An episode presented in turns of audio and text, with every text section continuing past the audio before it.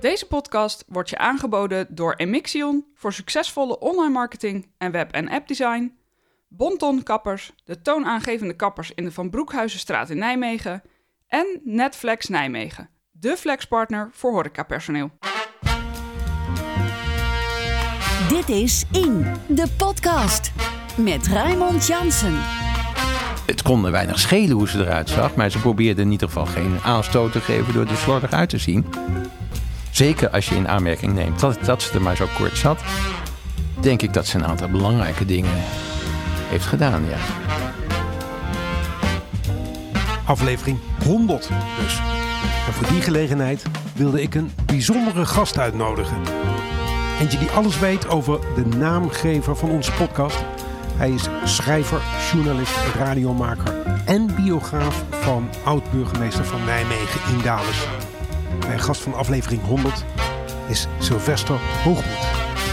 Mijn naam is Raymond Jansen en vanuit Brasserie Manna in Nijmegen is dit jaargang 3, aflevering 100 van In de Podcast.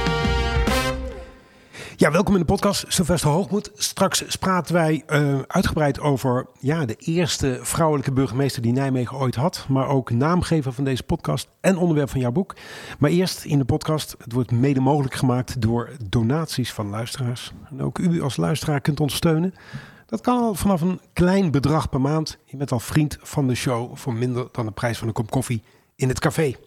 Wil jij dat nou ook? Ga naar indepodcast.nl slash petje af en word vriend van de show. Dit is In, de podcast.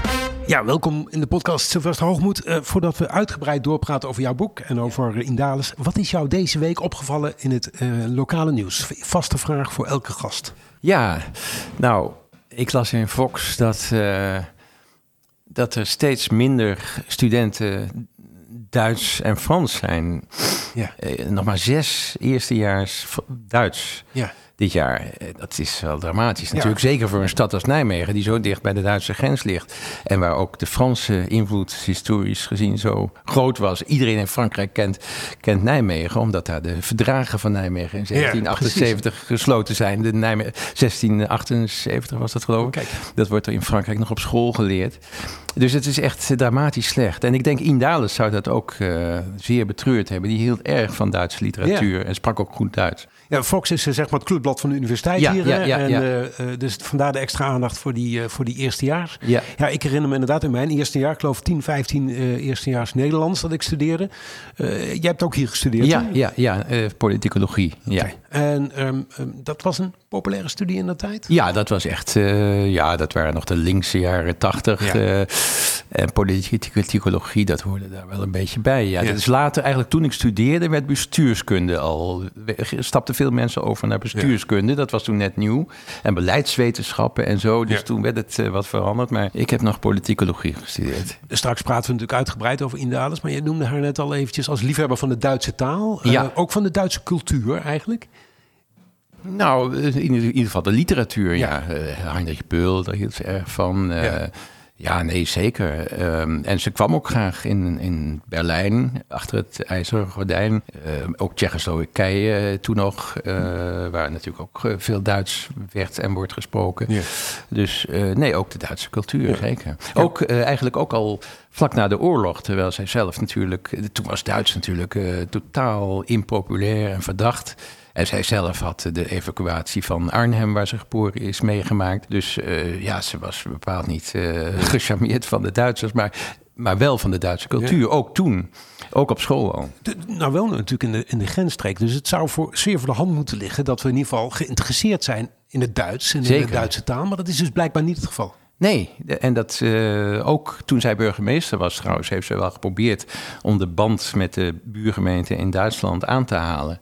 En ze heeft ook nog eens een heel netwerk op, op touw proberen te zetten met allemaal Romeinse steden. Daar is ze nog ja. naar Keulen gegaan. Um, dus ze, ze richten de blik heel nadrukkelijk ook naar het buitenland. Ja. Je had nog iets gezien in het lokale nieuws, hè? dat ging over de maximumsnelheid. Ja, 30 kilometer per uur. Uh, eh, 30 km per uur in heel Nijmegen. En toen moest ik ook meteen aan, aan Dales denken. Ik denk dat hij dat, uh, die was altijd van, het moest praktisch zijn. Hè? En ik ja. denk dat hij dan toch zou zeggen van ja, maar is dat wel te handhaven?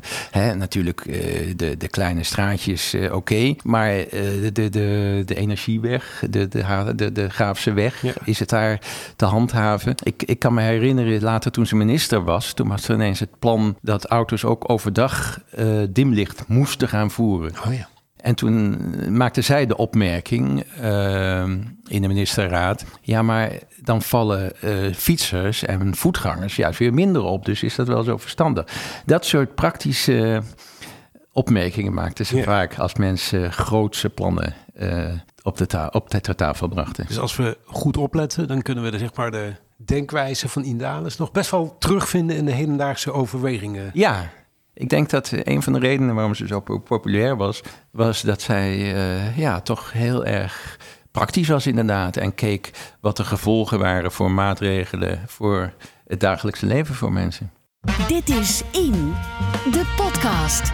Ja, u hoorde hem al. Mijn gast deze week is biograaf. Niet alleen van Indales overigens, ook van Ramses Shaffi, van zijn moeder. Ja. Um, en uh, nog een aantal andere dingen uh, die jij... Uh, we hebben afgesproken dat we je en jij ja, zeggen. Ja, die jij op je, op je staat van dienst hebt staan. Eerst even naar die Ramses Shaffi. Dat is nogal een ander type mens dan Indales. Van waar, die, van waar die interesse?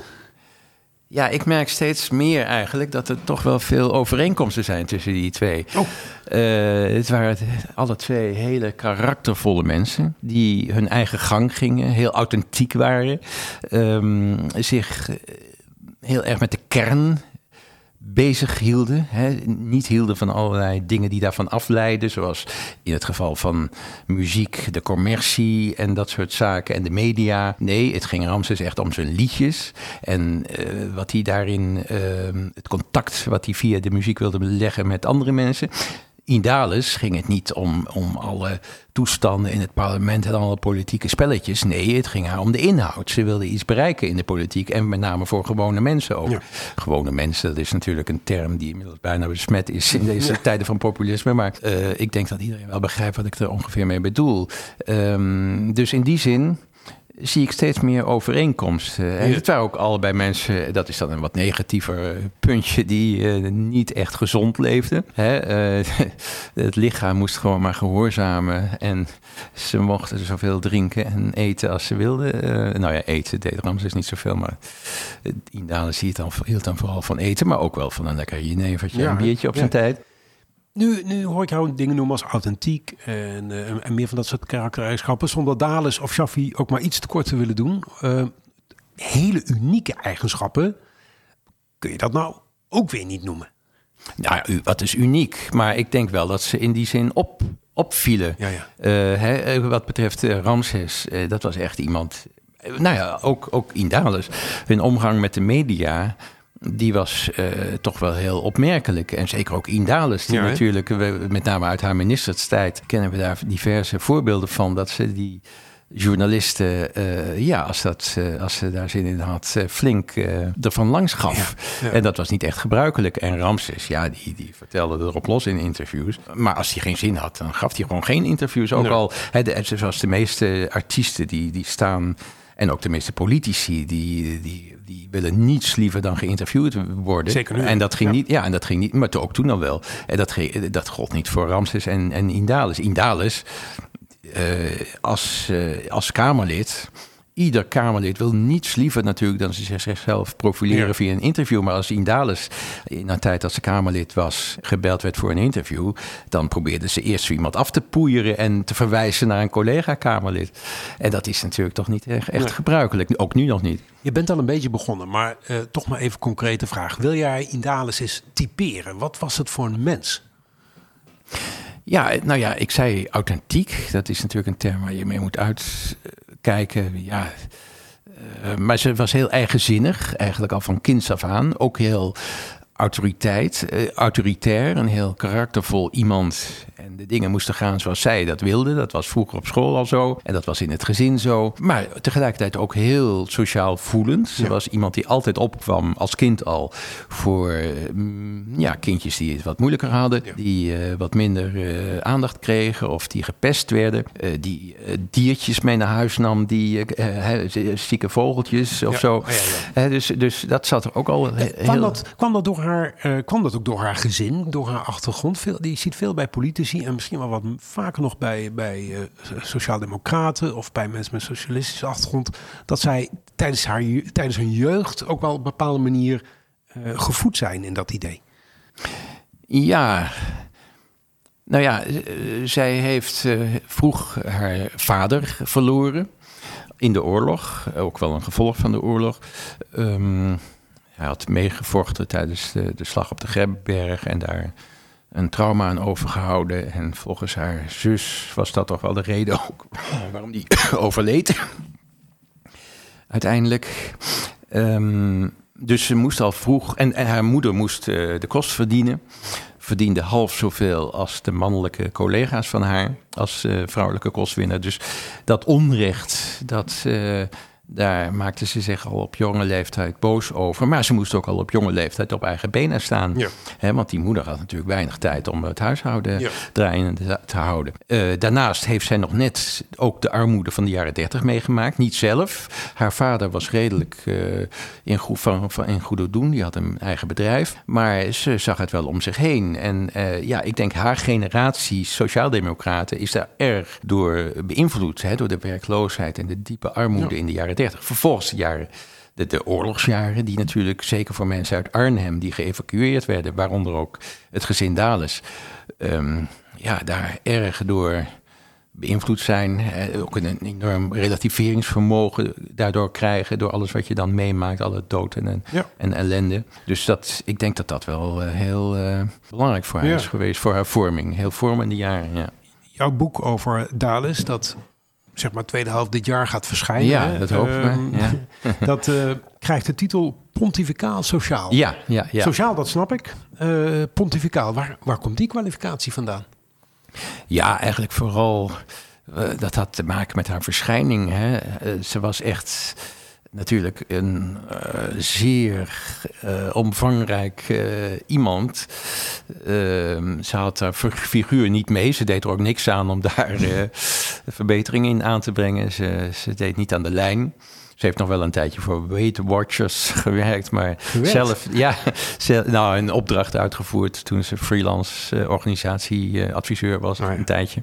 Maar nee, ze, ze deed bepaald niet aan de lijn. Ze at heel vet en het moest vooral lekker zijn. Yeah. Daarnaast had ze een kapsel waar niets mee te beginnen was. Nee. dus uh, de, alleen door die verschijning was ze al uh, een indrukwekkend iemand, maar ook door haar, ja, door haar gezicht. Hè. Ja. Dus ze was echt iemand die, uh, als ze boos was, dan hoefde ze niks te zeggen. Dan hoefde ze maar aan te kijken en dan dan kropen mensen al snel ja, weg.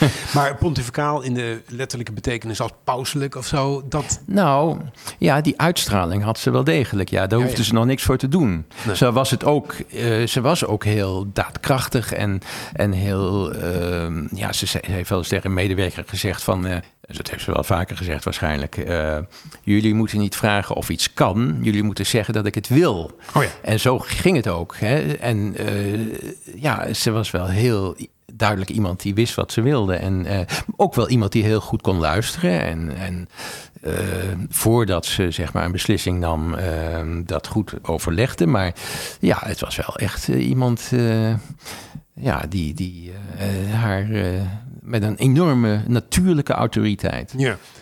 In jouw boek is een apart hoofdstuk gewijd aan haar Nijmeegse jaren. Ja.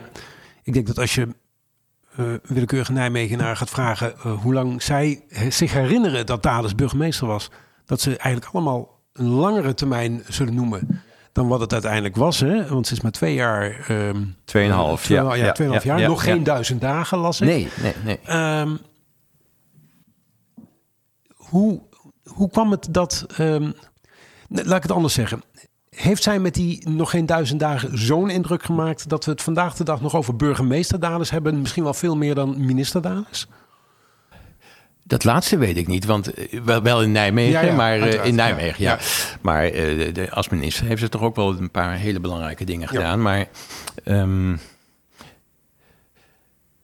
ja, er zijn een aantal mensen, waaronder Rob Jaspers, die hebben mij op het hart hebben gedrukt van ja, overdrijf het nou niet, haar invloed. Hè. De mensen inderdaad die je naar haar vraagt, die zijn geneigd om te denken dat zij vrij lang burgemeester heeft, is geweest en dan Ja. ook heel erg haar stempel op die stad heeft gedrukt. Ja. Tom de Graaf heeft me dat ook eh, gezegd van ja, overdrijf het niet. Maar tegelijkertijd, dat, dat klopt ook. Hè? Je moet dat niet overdrijven. Ze is inderdaad maar 902 dagen burgemeester geweest. Dan kun je niet, niet eh, heel veel doen in zo'n Nee. korte tijd. Maar toch, zeker als je in aanmerking neemt dat, dat ze er maar zo kort zat, denk ik dat ze een aantal belangrijke dingen heeft gedaan. Ja. Even iets anders. Kent u de Vincentiusvereniging? De Vincentiusvereniging helpt armoede bestrijden in Nijmegen. Bijvoorbeeld met gratis ontbijt voor basisschoolkinderen van wie de ouders geen ontbijt kunnen betalen. Wilt u meer weten of doneren? Ga naar vincentiusverenigingnijmegen.nl. Deze oproep wordt u aangeboden door een vriend van de vereniging. Ja, want het is zo op 24 maart 87. Toen werd bekend dat Ja. eh Dales ehm, ehm, ja, benoemd zou gaan Ja, worden. ja, dat is ja. officieel, moet dat dan nog door de, gemeen, door de eh, eh, minister worden bekrachtigd. Ehm, wat voor Nijmegen trof zij aan in dat tijd? Hoe was het politieke klimaat? Hoe zag de stad eruit? Eh, schets het beeld eens.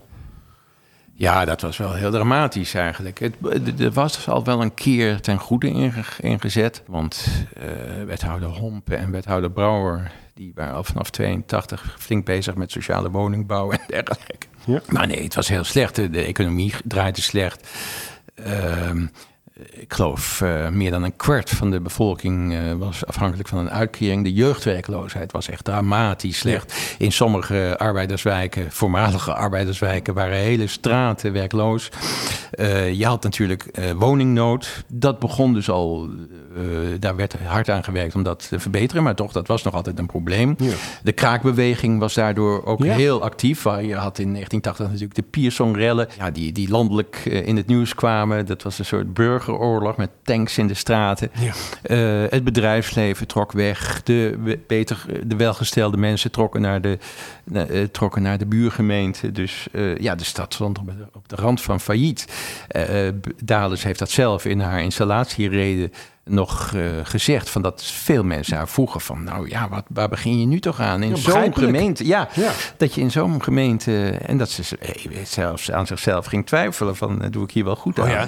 Maar uh, nou goed, uiteindelijk heeft ze dat toch gedaan. Ik zei al, kijk... met haar komst is, is dat, uh, heeft ze Nijmegen een, een enorme zelfvertrouwen gegeven. Ze was iemand uit de landelijke politiek die aanzien had. Um, en die ook heel duidelijk de publiciteit zocht op de juiste momenten. Bijvoorbeeld toen Joris Evans hier gehuldigd ja, werd, de, de, de wereldberoemde ja. cineast. Toen zorgden ze ervoor dat, dat, dat Nijmegen ook, uh, hoewel er natuurlijk met name later ook weer flink wat kritiek, ook toen wel, ja. kritiek was op zijn Maoïstische verleden. Maar ja, zij heeft dat ten volle uitgebuit toen, toen Nijmegen een prestigieuze prijs kreeg in Brussel voor de wederopbouw in de benedenstad, heeft ze gezorgd dat ongeveer tegelijkertijd er plannen werden gepresenteerd voor de Brabantse Poort, zodat die een beetje mee konden liften op die positieve publiciteit van die prijs.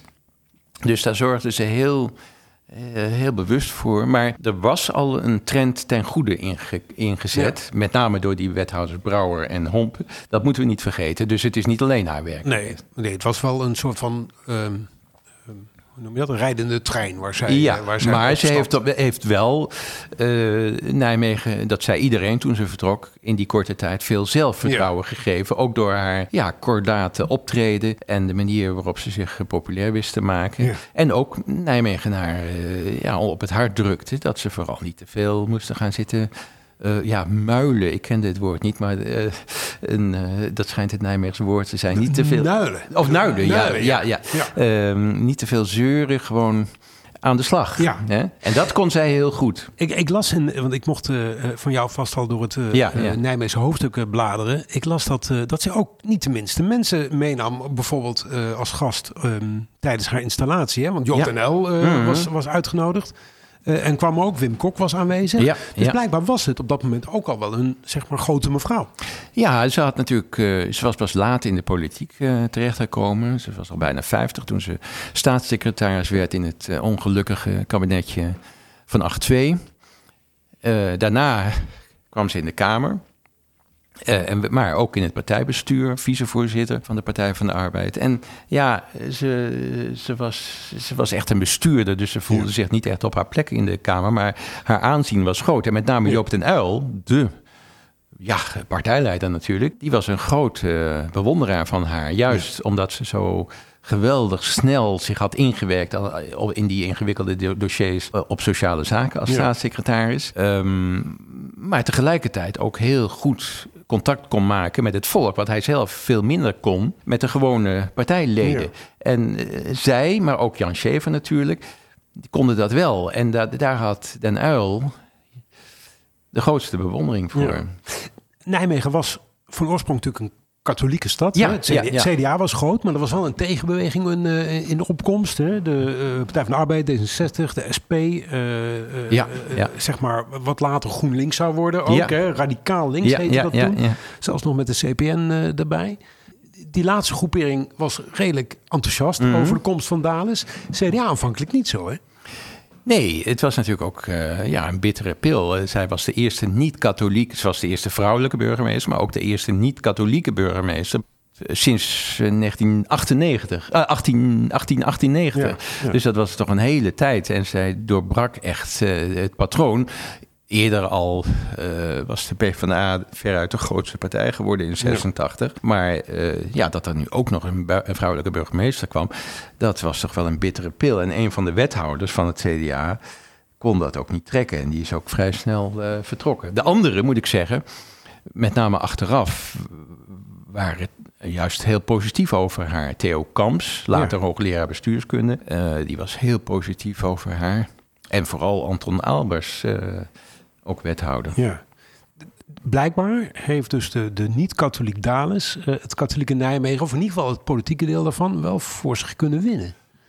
Ja, en ik denk dat dat. Uh, ik weet niet of dat al tijdens haar burgemeesterschap was. Want er, was, uh, ja, er waren af en toe toch ook wel spanningen toen. Maar um, ik denk dat dat ook kwam. Ze was zelf ook gelovig. Ik weet niet of dat nou in de voordeel sprak trouwens. Want ja, ze was Nederlands hervormd. Dat is natuurlijk toch een concurrerend geloof, ja. zou ik maar zeggen. Zeker toen nog. Um, ze heeft er ook voor gezorgd dat de banden met de Stevenskerk uh, flink werden aangehaald. Uh, tussen de gemeente en de Stevenskerk. Maar ik denk wel... Ja, ze was wel iemand die uh, serieus met mensen in gesprek ging. Ook over geloofskwesties. Ik denk dat dat toch wel gewaardeerd werd. Ze was niet zoals veel andere mensen uit de PvdA... iemand met een soort dédain voor geloof. En um, ik denk dat dat uiteindelijk toch ook wel weer een band schiep met uh, CDA-mensen. Ja. Hoewel iemand van de Partij van de Arbeid Huizen, sociaaldemocraat... Uh, was de SP in Nijmegen uh, ook niet onverdeeld enthousiast over Dales. Nee, en dan met name de, de, de, de grote man binnen de SP, uh, Jan van... Uh, Hans, Hans. Of Hans van Hoofd. Hans van Hoofd, ja. Uh, senior, ja. Nee, die, die vond haar een vrouw met capsones. Maar ik, ja, ik heb toch een beetje het gevoel dat dat ook kwam... omdat zij zo enorm populair was in de arbeiderswijken... waar hij natuurlijk, waar de SP natuurlijk, ja, ja eigenlijk tot dan toe zo, ja, wat hun jachtgebied was, ja. zal ik maar zeggen, ja. op, op, een oneerbidige manier. Ja. Maar hij, hij, hij had ook het gevoel dat zij niet helemaal oprecht was in haar belangstelling voor die, dat, ja, het woord capsone zegt het al, hè, dat dat een beetje gemaakt was. Maar dat is niet zo. Jij noemt het ergens jaloezie, hè? Ja, een jaloezie de métier. Ja, voilà. ja, ik denk inderdaad uh, dat dat wel meespeelde. Ik heb hem geïnterviewd hoor. En uh, ja, reuze aardige man. En ik begrijp ook wel zijn ergernis. Het had ook te maken met het feit dat zij de vergaderingen heel kort. dat, dat ze de vergaderingen heel streng voorzat. Hè? En mensen die uitweiden en grapjes maakten, zoals Van Hoofd nogal deed die werden heel kort gehouden. Dus dat wekte ook weer irritatie op bij Van Hoofd. Dus er speelde meer. meer. Maar nee, ik denk dat, dat hij zich vergist en dat uh, Indales wel degelijk echt heel. Uh, echt oprecht geïnteresseerd was in, in de mensen in die oude wijken. En daar ook goed contact mee kon leggen. Hè. Ze ging dan rustig uh, tussen die mensen zitten met een biertje en de, de handtas uh, op tafel. En dan echt luisteren naar wat die mensen te vertellen hadden. En ze kwam graag bij NEC. Ja, dat heeft ze in ieder geval gezegd. En um, ik uh, weet niet of ze echt van voetbal hield, maar in ieder geval, ja, daar had ze geen problemen mee. En ook met, uh, met de vierdaagse, dan uh, de feesten. Niet dat ze zelf meeliep natuurlijk, maar sport daar hield ze helemaal, zelfs aan sport nee. doen, daar hield ze helemaal niet van. Maar um, ja, dat, dat soort festiviteiten of carnaval, hè, dan deed ze dapper mee. En ja. dat, dat, was ook wel, ik had het over authentiek, dat, dat was heel natuurlijk. Je ziet vaak bij bestuurders dat die dan toch een beetje houterig dat doen. Ja.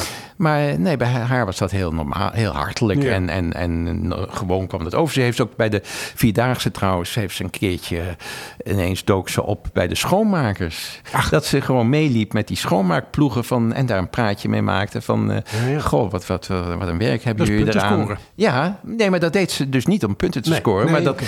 dat was bij haar echt, dat kwam echt voort uit oprechte belangstelling. Ze was opgeleid eigenlijk als vormingswerker.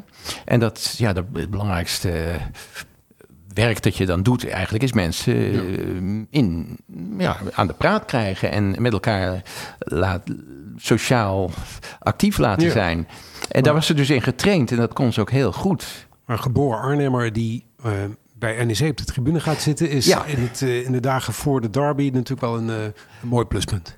Ja, inderdaad. Ja. En, uh, maar goed, ze was dan natuurlijk al jaren weg.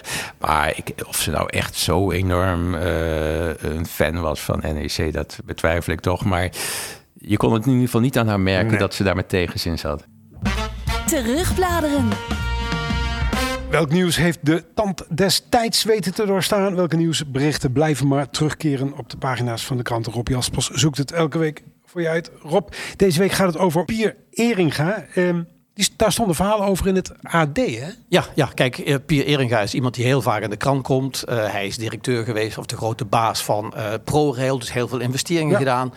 overigens ook Nijmegen voorzien, dat, daarom kunnen we Station ja? West aanpakken, heb ik wel oh, eens gezegd. Okay. Ook, ook de staatssecretaris die ooit het geld gaf, die heeft in Nijmegen gestudeerd. Dus er zitten soms relaties met Nijmegen. Maar Pier Eringa, waarom noem ik dat? Pier Eringa, dat stond niet in dat verhaal. Hij is drie jaar, ruim drie jaar, gemeentesecretaris geweest van Nijmegen. Ja, in 2006. directeur van de gemeente, hè? directeur van de gemeente. En hij is hier heel bewust ge gehaald door uh, uh, Guusje ter Horst. Uh, Eringa die was toen politiechef in Flevoland. En misschien ken je, Guusje ter Horst vond dat er een gemeentesecretaris nodig was... die voor een nieuwe cultuur in het stadhuis moest zorgen. Want ja. Guusje Horst had daarvoor een keer op het, nieuws, uh, op, op het gezegd van god, de vriendjespolitiek.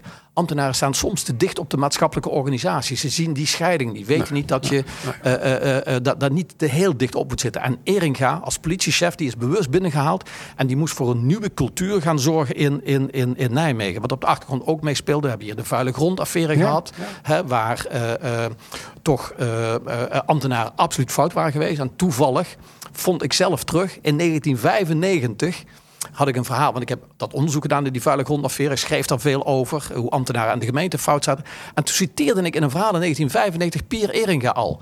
Want die had toen al over de zuiverheid van ambtenaren. Dat je je niet moest laten uh, uh, uh, leiden door uh, bedrijven in de stad. Dat je ja. je eigen keuze... En, en dat vond ik toch wel opvallend. Hij kwam in 2006 na die opmerking van Ter Horst.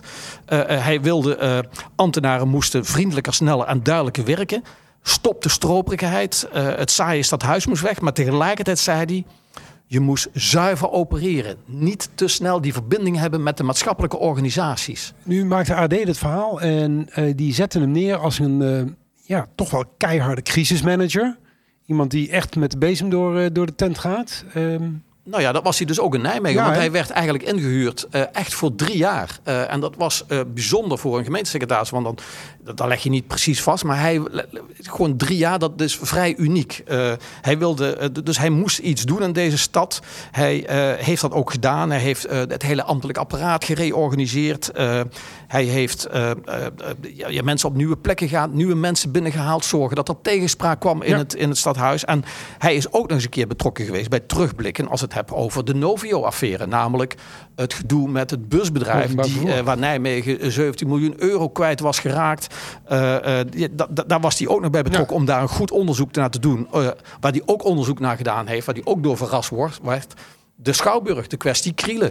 Namelijk eh, die, die, die grote baas van de Schouwburg en de vereniging... die alles qua zijn achtergrond gelogen had. En ook wel heel erg veel geld naar zichzelf Ja. had toegeschoven. Ja. Ook bij die onderzoeken was hij betrokken. Dus Pier Eringa als crisismanager heeft hij ook in Nijmegen een, een, ja, een, een hele stevige rol gespeeld om iets nieuws eh, eh, neer te zetten. En ja, ik vond dat toch een beetje een vergeten item in van hoe je naar Eringa moet kijken. Nu naar de ziekenhuizen. Ja. Hij wordt de grote baas of de voorzitter van, bij, bij, bij Ajax geloof ik. De raad van, hoe heet dat, commissarissen geloof ik. Eh, hij, hij is bezig met ingrepen bij ziekenhuizen in Gelderland. Ja, hij ging Eh, daarna naar ProRail. Hij ging daarna ook nog naar het CBR, geloof ik. Dus allemaal wel grote, grote clubs waar hij terecht kwam. Ja. Wat is gebleven? Want hij is, daar, hij is in Nijmegen nadrukkelijk eh, voor korte termijn benoemd. Of relatief korte termijn, hè, drie jaar. Wat, Drie is, jaar, hij bleef drieënhalf jaar uiteindelijk. wat is gebleven van zijn eh, aanpak? Ja, nou, kijk, dingen veranderen. Het is alweer lang geleden, hè, 2009. Dus we zitten nu eh 2023, dus we zitten toch wel een eind verder. Maar hij zette een nieuwe organisatie neer. En, en eigenlijk moet je, als je nu kijkt naar de organisatie, eh, ook daar is wat veranderd. Hè. De, de oude gemeentesecretaris is naar het Binnenlandse Zaken eh, gegaan. We Ja. hebben daar de nieuwe gemeentesecretaris. Als je nou deze week dat gedoe hoorde, of afgelopen week, over van de informatie naar de raad. eh, eh, ja, dan moet je daar toch naar kijken. Van de andere kant, de, de, de, de, het gemeentehuis heeft natuurlijk ook moeilijk. Hè? We hebben de coronatijd gehad, we hebben de vluchtelingentijd gehad, we hebben de armoedeproblematiek, de energieprijzen, waardoor ambtenaren allemaal uit organisaties getrokken moeten worden. Eh, je gaat dicht op de mensen zitten en dat is top. Dat was ook wat Eringa wilde. Maar dat dicht op de mensen zitten, dat vereiste ook zuiverheid. Dicht wil niet zeggen dat je meeloopt met die organisatie. Je moet wel die steun bieden en je moet weten wat er speelt. Maar je moet geen deel worden. Want als gemeente heb je een eigen, moet je een eigen zuivere rol hebben. En daar was die Eringa ja, heel scherp in. Ja. Eh, eh, je ziet ook dat de eh, ambtenaren moeten allemaal ook de eet afleggen. Hè? Die die recent vertrokken gemeentesecretaris van Hout, die is langer dan drie jaar hier geweest. Zeg jij eigenlijk, misschien zouden dat soort functies altijd wel voor korte duur benoemd moeten worden? Nou ja, dat ligt eraan wie, wie, wie, wie het is natuurlijk. Eh, eh, eh, kijk, eh Arjen van Houten die kwam en die heeft ook de organisatie veranderd. De gemeentesecretaris die nu zit, die is doorgeschoven naar een post. Ja, soms moet je een nieuwe kijk nodig hebben. En kijk, van politiechef gemeentesecretaris worden, ja, dat zegt toch iets. Ja. En het was een bewuste keuze. Ze is hier gekomen door eh Ter Horst. Hè? Die wilde echt een politieman als hoogste ambtenaar. Omdat zij zag wij zijn te soepel. Wij, wij, wij, eh, eh, wij, wij- zijn allemaal Nijmegenaren. Maar je moet wel de zuiverheid hebben van besluiten. En het moet niet omdat ik iemand ken eh, iets toegewezen krijgen of een subsidie krijgen. Om die, en, en die politieman heeft daar een op. En dat moet je af en toe doen. En ja, Van Hout, die heeft, wat daar hebben we wel eens kritiek op gehad. Die heeft ook weer de organisatie veranderd. Dus het gaat om hoe ga je met buurtcomité's om. ja juist. Daar is, daar is overigens weer heel veel kritiek op gekomen. Want die zetten die buurtcomité's, het luisteren daarna, zetten die weer op achterstand. Ja.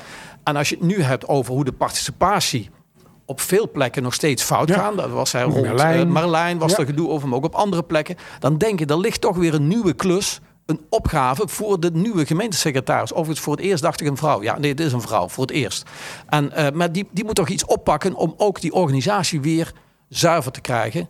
Nogmaals, als ik mopper op ambtenaren, ik ken talloze goede ambtenaren. Ze verrichten uitstekend werk als het gaat om eh, eh, de armoedebestrijding op dit moment. Uitstekend aan de slag, bijvoorbeeld met opvang van asielzoekers weer. Top allemaal. Maar je moet wel de zuiverheid hebben. Je moet zorgen voor tegenspraak in je organisatie. En je moet zuiver opereren zonder verbindingen. Of iemand dat denkt van, hé, hey, ik kan wel iets regelen met die ambtenaar. Dat kan niet.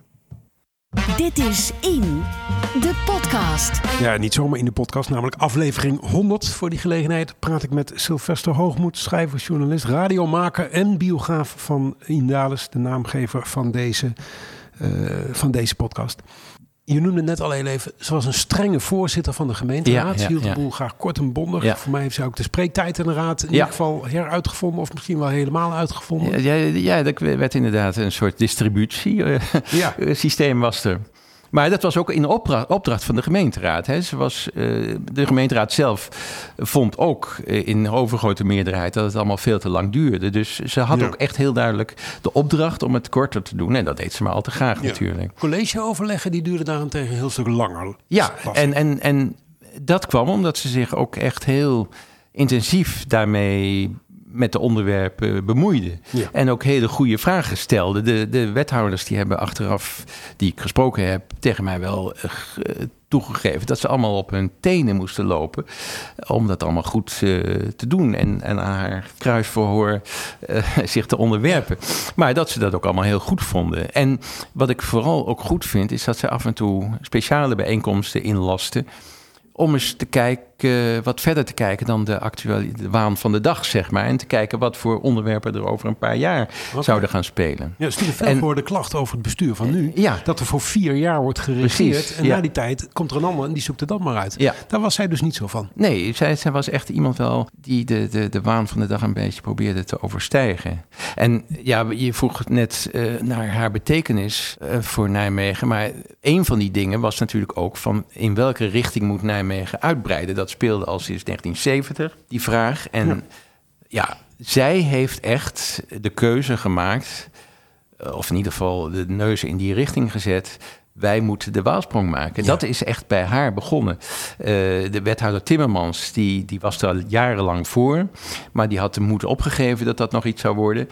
Eh, maar zij heeft toen op een gegeven moment echt gezegd... we gaan een passer zetten op de kaart rond plein 44. En dan eens kijken, een paar kilometer daar rondom... Ja. wat de voor- en nadelen zijn van ja, in het noorden of in het zuiden of in het Ja. oosten of het westen uitbreiden. En daar kwam toen heel duidelijk uit dat, dat er eigenlijk maar één goede oplossing was, namelijk de Waalsprong. Veel keuze was er niet, want de Ooi kon je niet in. Want dat was Nee. een beschermd natuurgebied. Ja. Eh, richting het zuiden waren ze natuurlijk de gemeente Malden toen nog. Ja, en ja, de gemeente. Beuningen. Ja. Dus ze moest wel naar boven. Ja, achteraf eh, zeg je dat, zegt iedereen dat, maar toen was het blijkbaar toch iets, eh, een soort eh, taboe, waardoor het ja, niet vooruit kwam, dat dossier. Dales was ook een hele zichtbare burgemeester. Hè? Ik lees in jouw boek iets over een helikoptervlucht van de Mokerhei naar de Ja. Goffert. De, ik was alweer bijna vergeten, maar de landelijke potten- en flikkerdag, waar zij Ja. een, een rol in, in speelde. Ja. Eh, de opening van een bouwfestival in een bulldozer. Dat, Ja. eh, dat had ik even gemist in de tijd. Eh, maar ze was, ja. Roald Dahl zelfs, hè, die in Nijmegen was bij de opening van de en. Evans dus, ja. Dus had zij een neus voor wanneer ze, want je zegt al, zo enthousiast was ze niet altijd als ze gevraagd werd voor een, voor een media optreden. Maar had ze er een neusje voor wanneer ze dat juist wel moest doen? Ja, zeker. En, maar ze, ja, ze vond dat ook wel, wel leuk. Ze hield erg van gezelligheid ook. En ja, dan maakte ze er wat van. Dus eh, ja, dat deed ze op een hele natuurlijke manier. En, maar ze was ook op een bepaalde manier natuurlijk heel fotogeniek. Hè? Ja. Eh, Niet dat ze knap was, maar juist ja, eh, door haar opmerkelijke verschijning. Ja. Zoals ook de huidige burgemeester Bruls dat natuurlijk wel heeft door zijn postuur en zijn, ja, de, echt de klassieke burgemeester zoals hij eruit ziet. En dan heb je al eigenlijk in de media, heb je, profiteer je daarvan. Ja. Als je oude foto's van haar opzoekt ehm, en ook je eigen herinneringen daarop naslaat, dan, eh, dan kun je aan veel dingen denken van Indales, maar niet direct als een heel verzorgde vrouw. Hè? Maar Flodder komt nog even naar voren, Ja. de vergelijking eh, met, het, eh, met de film van, eh, van Dick Maas. Ehm, toch lees ik in jouw boek, stelde ze hoge eisen aan haar eigen verschijning en Ja. ook aan die van wethouders. Want die Ja. mochten niet in een spijkerbroek en zonder das op pad als het Nee. ergens om ging. En bij officiële gelegenheden had ze ook echt eh, een hele chique jurk aan en zo. En sowieso, ze kleedde zich prima. Eh, iedereen zweert dat ze bloemetjesjurken droeg en zo. En dat is helemaal niet het geval. Ze, ze kleedde zich heel smaakvol. Alleen door haar postuur en door haar kapsel was er gewoon weinig eer aan te behalen. Maar eh, ze deed wel haar best voor wat betreft. Het kon er weinig schelen hoe ze eruit zag. Maar Nee. ze probeerde in ieder geval geen aanstoot te geven door er slordig uit te zien. Nee. En ze hechtte veel aan stijl bij haar collega's inderdaad. Ja. ja. En is dat dan stijl of is dat dan een verzorgde indruk maken? Dat, ja. Ik denk ook dat dat zag als een soort respect voor de kiezer. Hè? Ja. Eh, mensen denken vaak van ja, we moeten een beetje in de smaak vallen bij het gewone publiek. Dus dan doen we ook maar een spijkerbroek aan. Maar het, het gewone publiek vindt het juist veel, v- waardeert het juist als de mensen die voor hun Ja. eh, op de bres staan, als die zich ook een beetje netjes kleden. Ja. Dat is eh, bekend al, al uit de jaren dertig, uit de arbeidersbeweging, dat, eh, dat men het veel eh, echt op prijs stelde als de, de grote, de, de, de, de voormannen van de SDAP en de vakbeweging, als die gewoon netjes Ja. eh, gekleed waren en goed konden mee, mee debatteren met de, met de Ja. mannen van de industrie en zo. Dat zag je natuurlijk ook aan Wim Kok in zijn tijd bij de. FNV. Dat was vergelijkbaar. eh, ja, ik kan me voorstellen. Ja. Ik las ook ergens dat ehm Indales niet zo heel veel over haar persoonlijke leven wilde delen. En eh, toen ik aan het voorbereiden was op dit gesprek, kwam ik een foto tegen van, eh, van, eh, van na haar tijd in Nijmegen. Dat zij een onder had met Joop den L, eh, de koppen bij elkaar gestoken. En dat ziet eruit als heel erg nou als een bondje als het ware. Hè? Die waren met elkaar bespreken. Maar dat ging niet over persoonlijke dingen, als ik, als ik het mag geloven. Nee, eh, je hoort ook. ehm, ze sprak überhaupt niet veel over persoonlijke dingen. Het moest wel een beetje zakelijk zijn. Ze was wel heel, heel hartelijk wanneer bijvoorbeeld, eh, eh, ik geloof eh, Theo Kamps, de, de, fractievoorzitter van het CDA, CDA, die kreeg een kind. Daar was ze dan heel hartelijk voor. De burgemeester van Groesbeek, die, die verloor een, een zoon, geloof ik, in die periode. Toen was ze daar met het hele college op de begrafenis. En, en dan was ze heel persoonlijk en heel heel betrokken. Dat wel, maar ze praten niet veel over persoonlijke dingen. Nee, Nee. dat was denk ik niet. eh, dat was dus ook privé, dat was niet alleen in de media. Ja, daar had ze geen behoefte aan om daarover te praten, denk ik. Dat was ook niet. Ik weet niet precies wat dat was. eh, maar dat ze in de media ook. Ze, ze heeft wel eens gezegd van. eh, ik geef geen interviews ten vermaken. Hè? Interviews, dat moest echt gaan over dingen. Eh, ja, die belangrijk waren in haar ogen en die met haar vak te maken hadden. Inhoudelijk moest het zijn. Ja. En niet over allerlei privé dingetjes. En dat was ook wel een beetje principieel. Ze, vond, ze was tegen, zeg maar, eh, mannetjesmakerij of vrouwtjesmakerij. Het moest echt om de inhoud Ja. gaan en niet om de personen. Dat was een principieel punt. Maar ik las ook ergens, Jan Rolfst, eh, onlangs overleden, of een paar jaar geleden overleden, eh, toen de tijd ambtenaar, hè? Ja. Eh, Concentre- als ik me ja, goed herinner. Die ging met haar op werkbezoek naar het buitenland. Mhm. Die was een paar dagen met haar op pad. Je zou denken, nou dan is er toch enige eh, toenadering in, de, in Ja. de vriendschappelijke zin van het woord natuurlijk. Maar niks van dat alles. Hè? Nee, nee, helemaal niet. Nee, dan, ze was al vaker in Oost-Europa geweest. Maar daar vertelde ze helemaal niks over. Nee. Nee. En dat heb ik van meerdere mensen gehoord, inderdaad. Ze, ze nodigde wel af en toe de mensen uit bij haar thuis. De, de, de, de mensen van het college, de wethouders.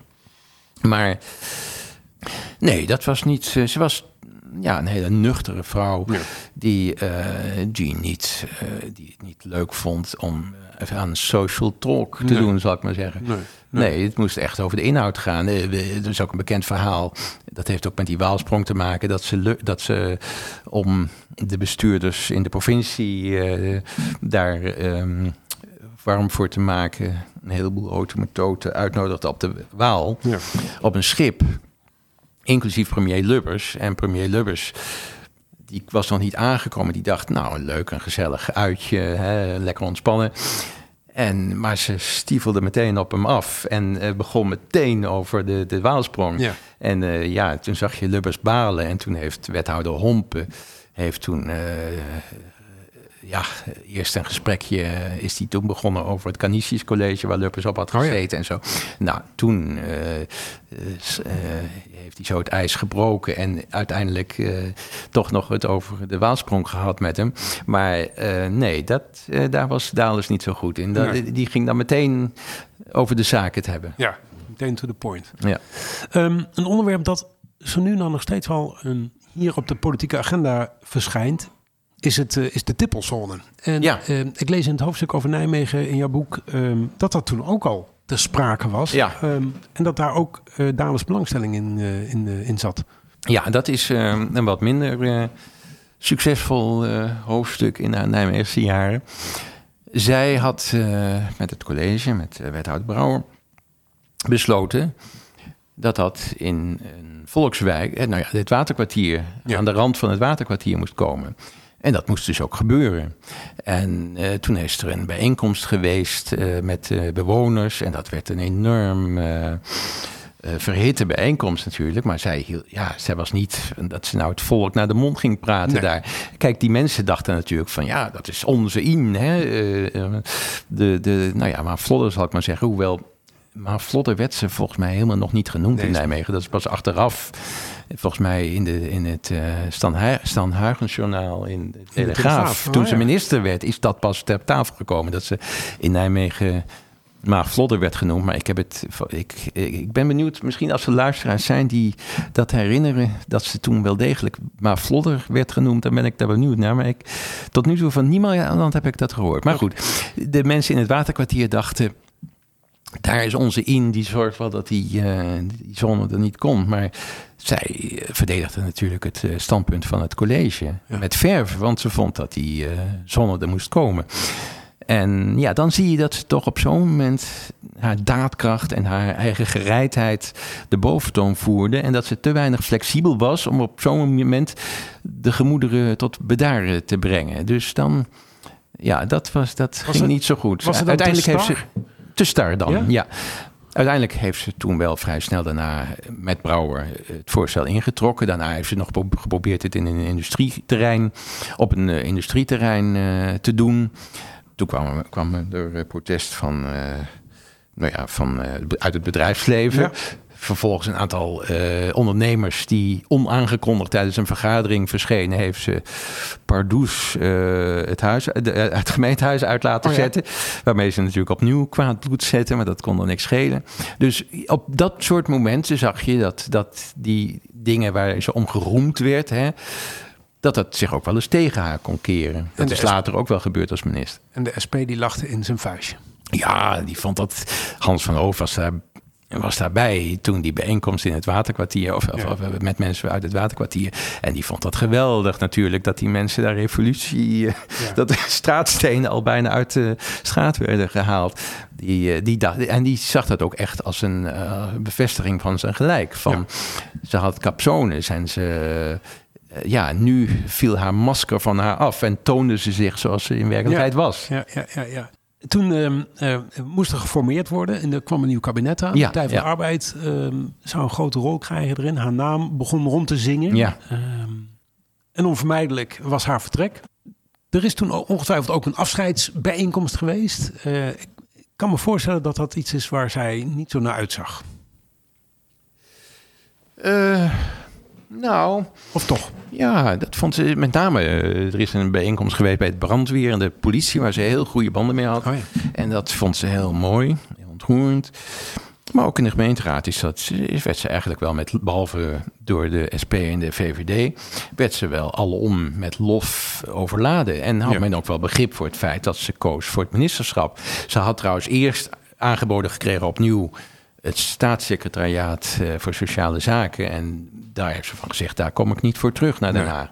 Nou, Ze, ze vond het ook echt jammer. Er is later wel eens gezegd van dat ze al een beetje uitgekeken was op Nijmegen. En dat het toch te klein voor haar was. Maar dat is absoluut niet het geval. Ze vond het heel jammer dat ze daar weg moest. Ja. Maar ja, het ministerschap was natuurlijk toch eh, ook weer nieuwe uitdagingen. Ja. En ze vond het heerlijk om te besturen. En zeker op dat ni- niveau. Dus ja, dat ze dan al na tweeënhalf jaar wegging. Kijk, als ze nou naar het bedrijfsleven was gegaan, was het natuurlijk wat anders geweest. Maar Ja. dit, ik hier was toch wel al een begrip voor, geloof ik. Dat 900 en, wat zei je? Twee dagen. Ja, 902 dagen natuurlijk veel te kort. Ja. Ja.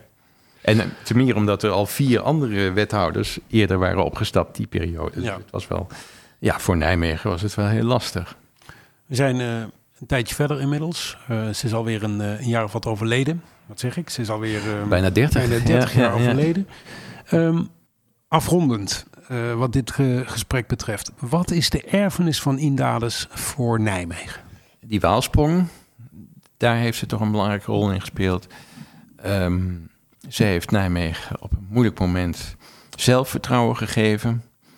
Er was natuurlijk al een, een keer ten goede ingezet door het college, maar door wethouder Brouwer en, en ehm, Hompen. Maar zij heeft dat eh, qua PR en qua. Nou, ze heeft een frisse wind door het ambtenarenapparaat laten waaien. Waar natuurlijk ook de KVP nog altijd, of het, het CDA, achter de schermen aan de touwtjes trok.